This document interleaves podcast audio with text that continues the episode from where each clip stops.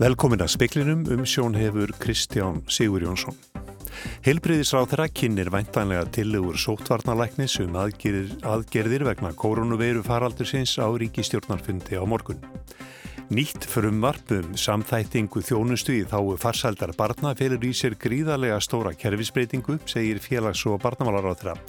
Markmiði sé meðal annars að loka götum í velferðarkerfinu. Kostnaður samfélagsins vegna áfalla í barnasku er áallæður 100 miljardar króna á ári. Nýtt fjölmiðla frumarp mentamálar á þeirra hefur fengið afgreyslu hjá þingflokkum stjórnarflokkana. Nokkrir sjálfstæðisþingminn hafa sett fyrirvara. Umdelt lagafrumvarp sem bannar myndatökumönnum og almenningi að taka myndir af franskum lauruglumönnum af störfum verður dreyið tilbaka. Allir upplestrar Haldó Slagsnes á bókum sínum sem til er í fórum Ríkisútarsins hafið gerðir aðgengilegir almenningi í spilara rúf. Búist er við að heilbreyðis ráþera kynni tillögur Þóról Skunasonar sóttvartalæknis um aðgerðir vegna koronaveiru faraldisins á ríkistjórnafundi á morgun. Sóttvarnalæknir er búin að skila ráþurum tillögum sínum. Hann hefur sagt að ekki sé skinsamlegt að slaka mikið á þeim takmarkunum sem þegar eru gildi en hefur jáfn framtalið ólíklegt að þær verði hertar enn frekar. Núverandi reglugjörð fellur úr gildi á miðnætti annað kvöld. Alls greindust átta með koronaveiruna í gær, þar af voru aðeins þrýr í sótkví. Tölur sem byrtast á mánudegi þykja þó ekki gefa góða vísbendingu um stöðumála, þar sem alla jafna eru tekin færri síni á sunnudugum. Fjölmiðlafrumvarp Lilju Alfreðstóttur mentamálar á þeirra hefur verið afgreitt úr þingflokkum í stjórnalflokkana en nokkrir þingmenn sjálfstæðisflokksins er með fyrirvara. Um nýtt frumvarp er að ræða en fyrra frumvarp Lilju um fjölmiðla náði ekki, náði ekki afgreislu. Frumvarpinu verður dreift á vefsíðu alþingi síðar í kvöld eða í fyrramálið. Þá verða líka lögð fram frumvörp frá ungverfis ráþara um, um miðhálendis þjóðgarð og þjóðgarðastofnun en þar gera þingmenn sjálfstæðisflokks og framsóknar ímsa fyrirvara. Þá er búist við að þingsályktuna til lögum ramma áallinu verði einni lögð fram, það sem einni eru gerðir fyrirvarar. Í dag er síðasti dagur til að leggja fram þingmál sem eiga að koma á dagskrá fyrir jól. Unni er að hönnun þryggja snjóflóðavarnargarða neðan bjóls á seyðisfyrði. Markmiðið er, er að hægt verði að bjóða verkið út og hefja framkvæmdir á næsta ári ef fjár heimildir leifa. Í fjárlaga frumvarpi voru framlög til ofanflóðavarna meir en tvöfölduð.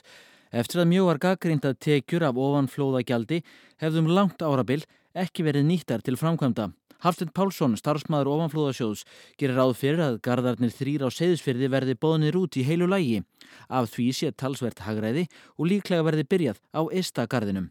Einning er unnið að hönnun fjórða áfanga snjóflóðavarna í Neskaupstað en óvíst er hveina ráðust verður í þá framkvæmt. Ofanflóðasjóður er með fleiri verkefni á dagskrá á næsta ári svo sem upptaka stóðvirki á Siglufyrði, í og við Lambeirará á Eskifyrði og þá á að ljúka þriðja áfanga í Neskaupstað undir urðarbotnum. Framkvæmdur hófust við tvo garda á Patreksfyrði á þessu ári og líkur að óbreyttu árið 2023. Að auki er fjöldi ólokina verkefna í undirbúningi á Patreksfyrði, Bíldudal, Nýfstal, Eskifyrði og í sunnanverðum seðisfyrði, svo eitthvað sé nefnt. Rúnar Snær Einarsson saði frá. Boris Jónsson, forsætis ráð þeirra Breitlands, vonast til þess að Livja eftirlit landsins heimili fyrir jól nótkun bóluefnis gegn kórunuverinni sem fyrirtækin Pfizer og BioNTech hafa kynnt. Sama gildur um annað liv gegn verunni sem vísindamenn við Oxford Háskóla þróuðu í saminu við livjafyrirtækið AstraZeneca. En eitt livjafyrirtækið, Moderna, ætlar í dag að sækjum leifi matvæla og livja eftirlit spandarækjana fyrir sínu bóluefni. Þá hyggst það á næstunni sækjum leifi hjá livjastofnun Evrópu. Haldur Kiljan Lagsnes undirbjósi vel áður en hann lasinn bækur sínar í ríkisútvarpinu. Stundum breytti hann textabókarinnar, segir Guðni dóttir Haldós. Hún og Sigriður, sýstir hennar, hafa í samstarfið við Rúf gert á upplestra sem ríkisútvarpið á í sínum fórum aðgengilega öllum í spilara Rúf.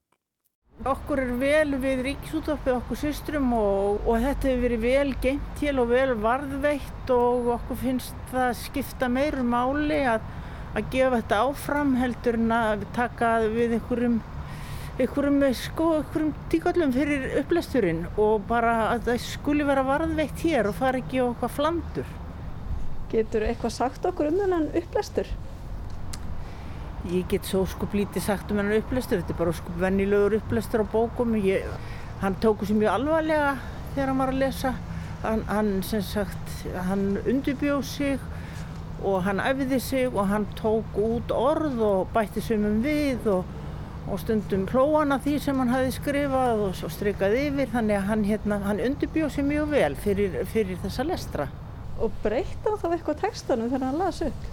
Já, hann tók út orð og orð og, og svona. Þetta var Guðinni Haldórsdóttir, Kristín Sigurðardóttir talaði við hana. Forsætisnefnd Alþingis telur ekki skýliri til þess að taka fyrir kvörtun sem henni barst vegna ummæla Þórhildar Sunnu Ævarstóttur, Þingmanns Pírata, í tengslum við fánamál lauruglunar. Þau fjallu eftir að mynda af táknum á búningi lauruglukonu byrtist í fjölmiðlum. Þórhildur Sunna sagði á Alþingi að ummæli umrættar lauruglukonu um vannþekkingu á merkjónum bentu til þess að annarkort skorti lauruglumenn fræðslu um rasísku og ofbeldisfullmerki eða þá að rasismi og ofbeldismenning fengju að grassera innan lauruglunar. Í brefi sem byrtir á vef alþingis kemur fram að þingi sé einstakur vettvangur fyrir umræður í líðræðislegu þjóðfélagi. Engin þingmaður verði krafin rekninskapar utan þings fyrir það sem hann hefur sagt á þingi nema alþingi lefi. Telji borgari að forseti hafi ekki gætt þess að þingmenn við hafi góða reglur í máli sem hann varðar verða hafi hugað að aðtatnir eða aðtatnarleysi forseta við stjórn þingfunda sæti ekki endur skoðun. Ágreiningur um slíkt verði ekki borin undir forsætisnemnd. Menningaráð Reykjavíkuborgar kom saman til aukafundar í dag og samþykti þar tillugu verkefnastjóra á tónlistarborgarina Reykjavíkur um að styrkja tónlistarstaði til að streyma viðburðum á aðmenduri.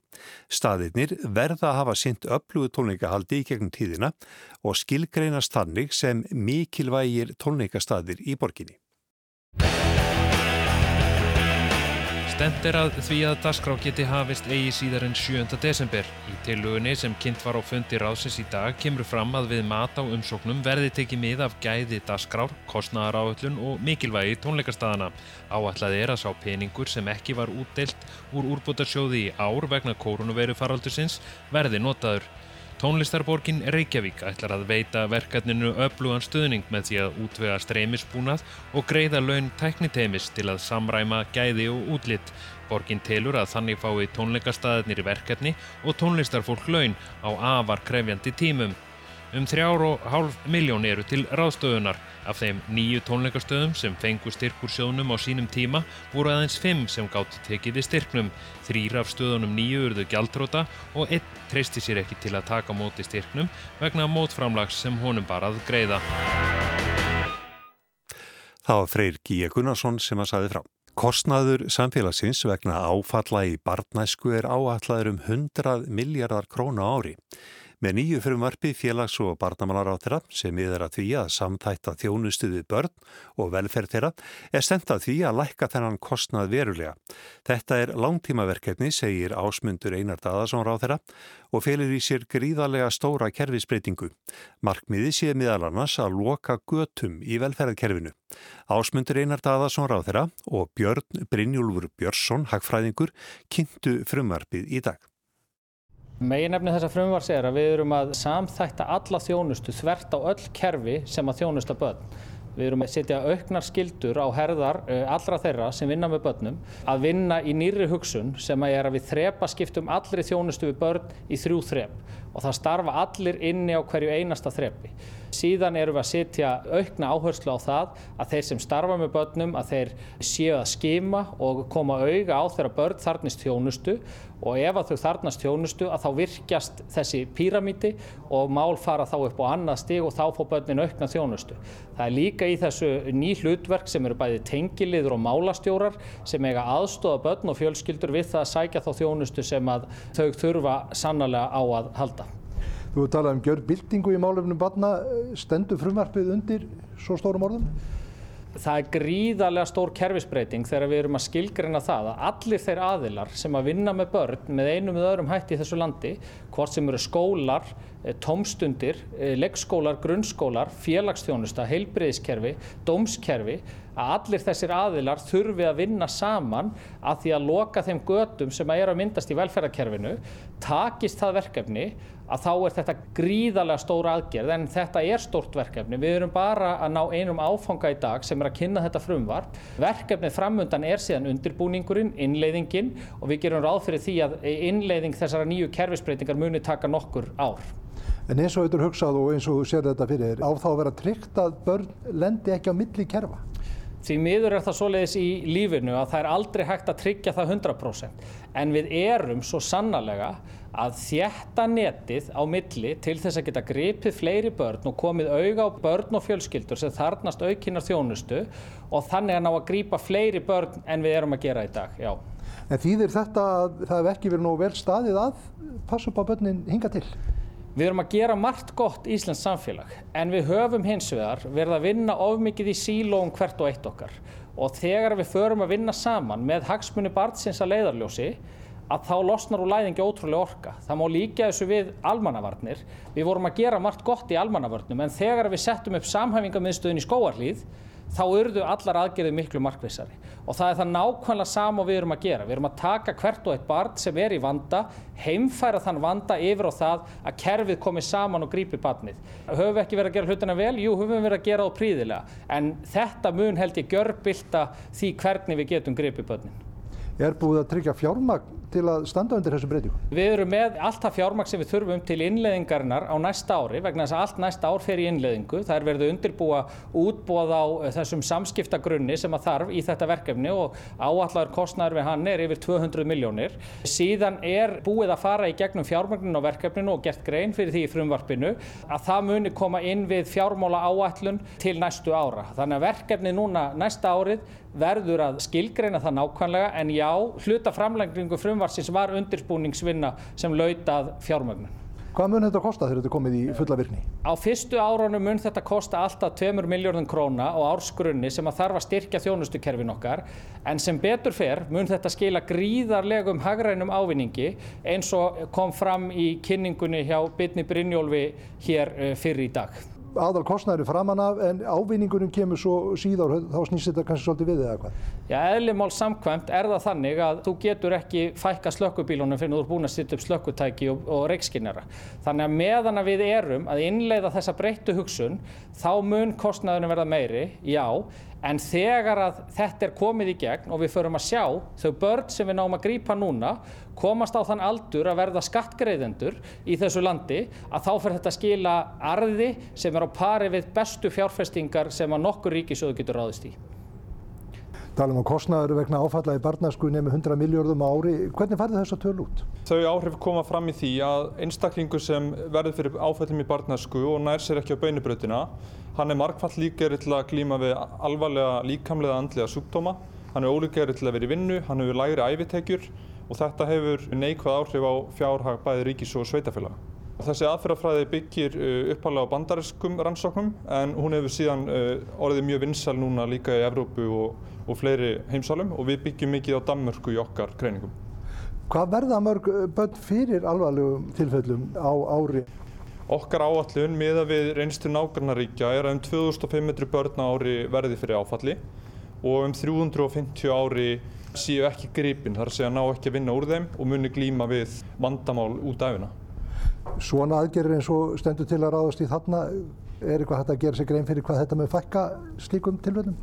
Já, við erum áall að geta sagt, gripið í rauninni 50 af þessum 350 börnum ári Þannig að á hverju ári komi á fullorðinsaldur 50 einstaklingar sem nái að koma sér á beinubrautina og hafa eðlinan þrosk og hilsu sem hefðu annars ekki ellan á því.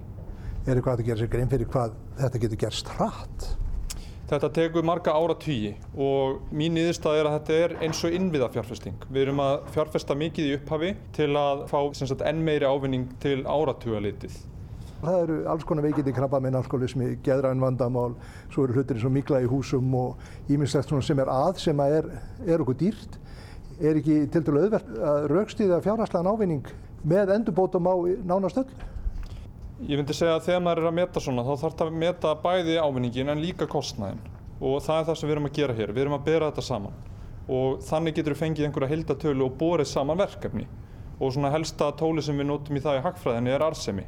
Og í þessu erum við að fá arðsemi svipað og til dæmis af Kárunhugavirkjun eða Keflavíkuflugvelli nema í stað neikværa umhverfisáhrifa erum við að fá jákvæð áhrif á líðan fjölda fólks. Hvenar erum við farin að sjá, þetta er náttúrulega stóra tölun svo Kárunhugar og Keflavíkuflugvellur, hvenar erum við farin að sjá þann samanbyrg raungerast? Ávinningurinn fer fram á kostnæðinum eftir um áratug þegar börn er að komast á fullorðinsaldur en hann verður miklu meiri síðar þegar einstaklingar sem eru börn í dag eru komnir út af vinnumarkað og farnir að þjána í rauninni tekjur sem eh, skilar skattekjum þá til ríkis og sveitafélaga en hefðu kannski annars ekki gert það. Og þannig er náttúrulega ekki síðan tekið inn í sem eru auðvitað mjög vermaðt, bara lífsgæði. Nei, það er ekki allavega ansi erfitt að meta þau til fjár. Þannig að þess vegna kalla ég það í rauninni hlýðaráhrif eins og umhverfisáhrif af innviðafjárfæsting. Sagði Björn Brynjúlfur Björnsson. Haugur Holm talaði við hann og ásmund Einar Daðarsson. Nú er gunn á nýju skónum, nú er að koma jól. Það er alveg ljóst að jólahaldi og ávendan verður með mjög sérstökum hætti vegna COVID-19. Megin regla sótvarnarreglana sem að gilda út um morgundaginn er að fjöldasamkomur miðast við tíu manns. Farslega er búist við að þessar takmarkanir munu gilda áfram yfir hátíðarnar. Það er því ekki skrítið að landsmenn veldi nú fyrir sér hvað verðum laufabröð skurðin skötuveisluna og ekki síst öll matar og jólabóðunum jól og áramót. Sótvarta yfirvöld hafa þess vegna gefið út leiðbenningar og ráðum að hverju skuli huga. Málið fælst í nóðskurn um að hver og einn búi til sína jólakúlu eða jólabúblu Röggvaldur Ólarsson aðstóðar yfirlörglu þjótti á almannavarnadeildi ríkislörglustjóra hvart í morgun á upplýsíkafundi almannavarna fólk að farað íhuga og skipulegja jólaundurbúningin og jólahaldið. Við þurfum að reyna, að reyna að búa okkur til okkar eigin jólakúlu, okkar eigin búblu þar sem við ætlum að raða inn í hana þeim sem við ætlum að hitta yfir hátíðarnar og reyna að hafa hana sem þjættasta og þá þarf henni hver þá eitt þá hugsa um sína jólakúlu í þessu samingi. Þetta þýðir að hvað er til þess að við veljum okkar jólavinni í jólakúluna eða hverja við ætlum að hitta yfir hátíðarnar. Þóruldur Gunnarsson sótvarðalæknir var spörður hver margir ætti að vera í jólakúlunni. Hvort verið verið að hvetja til þess að fjölskyldur haldi ekki stór jólabóð. Já, við erum með þessa tilugur eins og staðin er núna. Við erum með tíu manns, uh, við erum með tveggja metra reglu á, á milli einstaklingar og sérstaklega uh, ótengdra einstaklinga. Við erum með grímur og ef að fólk fer eftir þessu þá held ég að geta máta sér inn í hvaða kúlu sem er í raun og veru eða á að geta gert það. Við viljum lítið jólaskruti á það og litli jólakúlur sem við kvætum til. Af þessum svörum áráða að fólk eigi að miða við tíu manna regluna þegar kemur að jólabóðunum. Spurt var sérstaklega um það hvernig tíu manna reglan passað inn í jólakúluhugmynduna hvort það gangi að fara til dæmis á milli fjölda tíu manna jólabóða. Við erum alltaf búin að tala svolítið um það að þessi jól verði öðruvíseldur en áður og, og það að, að fækka bóðum, sleppa bóðum er eitthvað sem að fólk ætti alveg að hafa inn í myndinni og að reyna að hafa þessa kúlu sem allra, allra minnstar. Að því að þetta er fljótt að gerast ef það er smitt einhver staðar á þessari leið og þetta, þetta getur drefst, drefst hratt, þannig að bara því minni kúlur og því færi því betra. Jú, ég tek undir það, þetta er það þannig að það er kannski eh, hægt að fara í svona kúlur nokkrar á dag eh, tíu manna bóð, tvöða þrjú eins og hefur oft týðkast og ég held að það samrýmist ekki alveg þessari grunn hugmynd um, um, um síkingavarnir og sóttvarnir. Og, Uh, við erum ekki með sérstakar leiðbeiningar um, um, um það í sjálfu sér en, en uh, ég veit ekki hvort það er koma fram í þessum jólaleiðbeiningum en, en uh, það samrýmast ekki þessum grunnprinsipum í smitgátt og, og, og, og smitun. Þannig að þannig kannski þurfum við að setja þetta inn í, í jólaleiðbeiningarnir sem við erum með. Saði Þórólfur Guðnarsson á Almannavarna nefndar fundunum í dag. En þetta er kannski ekkert sérstaklega skýrt en ítrekkað kom fram að leiðbynningarnar ætti eftir að þróast á næstunni. Mamma er enn í eldúsinu, eitthvað fórst við mat. Indalasteg hún er að færa upp á stærðar fat. En hvernig líta ráleggingar almannavarna út þegar kemur að heimbóðum og veitingum? Almennareglan er að fólk velji sér jólavinni eða þá sem það ætlar að hitta yfir jól. Það er vantalega þessi jólakúla sem er verið að tala um. En það er mælst til þess að láta vantalega gesti vita með góðum fyrirvara um bóðið. Það geti þá reynd að fara sérstaklega varlega dagana fyrir bóðið. Fólk er beðum að fylgjast vel með þróunu faraldusins, það á að virða fjöldatakmarkanir, tryggja nándarmörk og einstaklingsbundnar smittvarnir. Og það er ljóst að tími hlaðborðana verður ekki í þessi jól. Almannavarni leggja til að forðast byrji hlaðborð og bóð þar sem hver og einni kemur með mat og leggur í púkið, svo gulluðu Pálinu bóð. Þá verða geima faðmlög, kossa og handabönd til betri tíma sem er í raun ekki ný ráðlegging. Það er melst til þess að grímur verða á bóðstólunum í jólabóðunum og að gestir þvói sér og spritti reglulega og þá að reyna að takmarka fjöldan í eldúsunni eða þar sem að matargerðin fyrir fram og líka þeirra gengið frá matnum. Og mælt er með því að við matseldina beri fólku grímur og þvoi hendur reglulega. Það er líka lögð áherslu á að takmarka sameigileg áhöld eins og til dæmis tertunhýfa, kaffikonnur og mjölkurkonnur og fleira. Og það er lagt til að eftir hvert bóð verði dúgar og til dæmis tauservjettur þegnar. Og menn verða að haga sér í jólabóðunum. Mælst er til þess að fólk forðist söng og hávart tal sérstaklega innan þeirra. Þessi rástöfun er til að forðast að hugsanlega veira í bóðinu, þjóta ekki út um allt þegar fólk hefur upp örust sína. Ímsar aðra leifinningar er að finna á covid.is í sambandi við jólahaldið og fleira. Til dæmis að hverju beri að huga þegar fólk kemur heim í jólafrí frá útlötum eða fer út fyrir landstennana.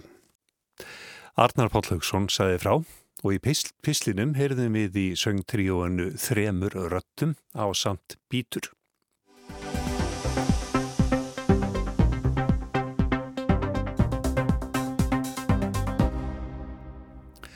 Búið er að aflýsa Nobelsháttíðin í Ósló í ár og býða með aðfenda velunin þar til sér fyrir endan á kófinu. Í Noregi er líka uppirattir um að aftur kalla fyrri velun vegna þess að velunahafarnir haldi ekki friðin. Þetta á sérstaklega við um Abi Ahmed sem fekk velunin í fyrra en hann stendur fyrir stríði í ár. Stríðsfréttir haustsins koma frá Eþjópíu. Íbor í héranu Tígræ, norður í landi, hafa verið með uppsteitt. Löglega kjörin leðtói landsins, Abi Ahmed Ali, fósættisráþra, hótar ekki aðeins hernum og öllu íllu, heldur lætur hann knefylgja kviði að hætti alvöru stríðserra. Deilan um Tígræ og höfuborgina þar, Mekele, hefur upp á alltaf bjóða sem príðam á alvöru stríðsátök, trú, þjóðverðni og pólitík. Abi Ahmed sem fekk fríðarvelun Nobels í fyrra er helsti stríðsherra heimsins núna ári síðar. Mannréttindasamtök segja að framferði Abi Ahmeds sé ekki aðeins brota á alþjóðalögum og stríðsglæpur heldur glæpur gegn mannkynni. En Abi Ahmed hefur engum ráðust á sitt heimafólk og kemst upp með það að mestu átölu laust.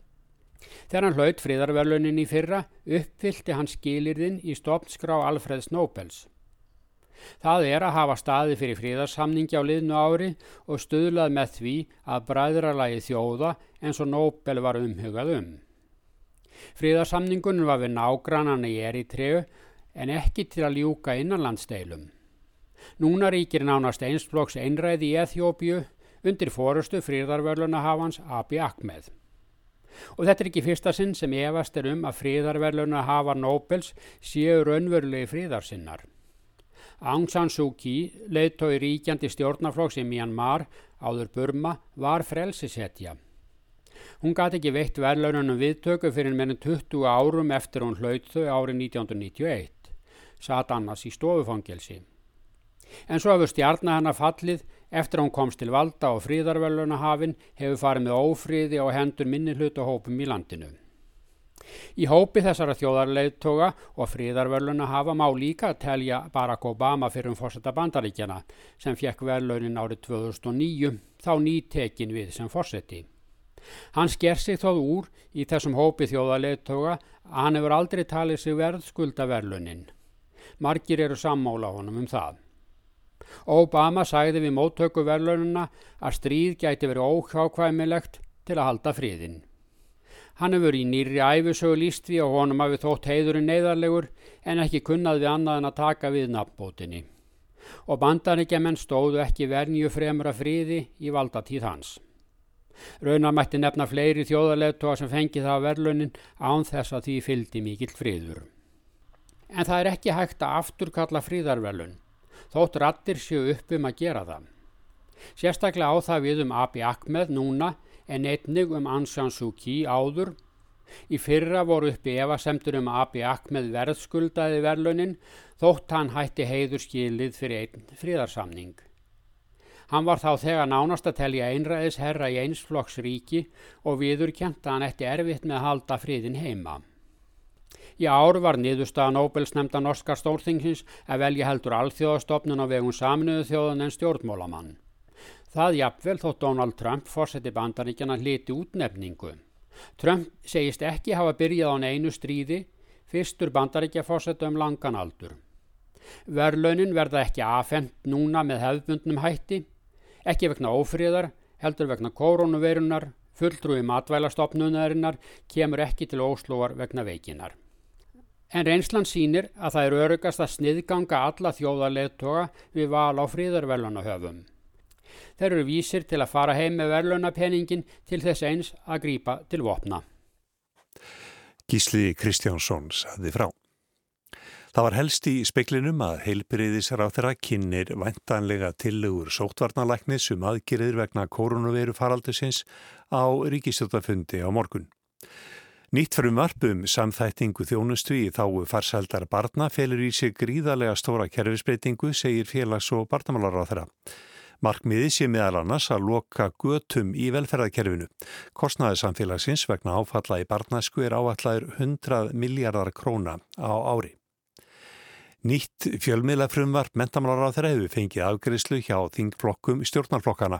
Nokkri sjálfstæðisþingminn hafa sett fyrirvara.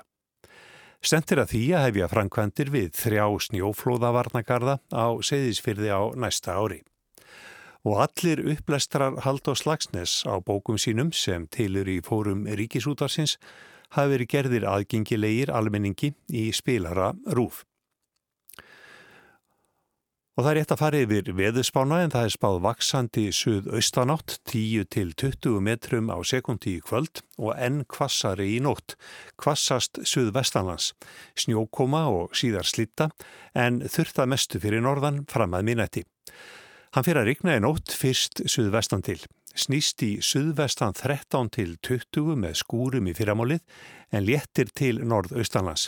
Hitti verður á bilinu 1 til 7 stík en kólnar annað kvöld.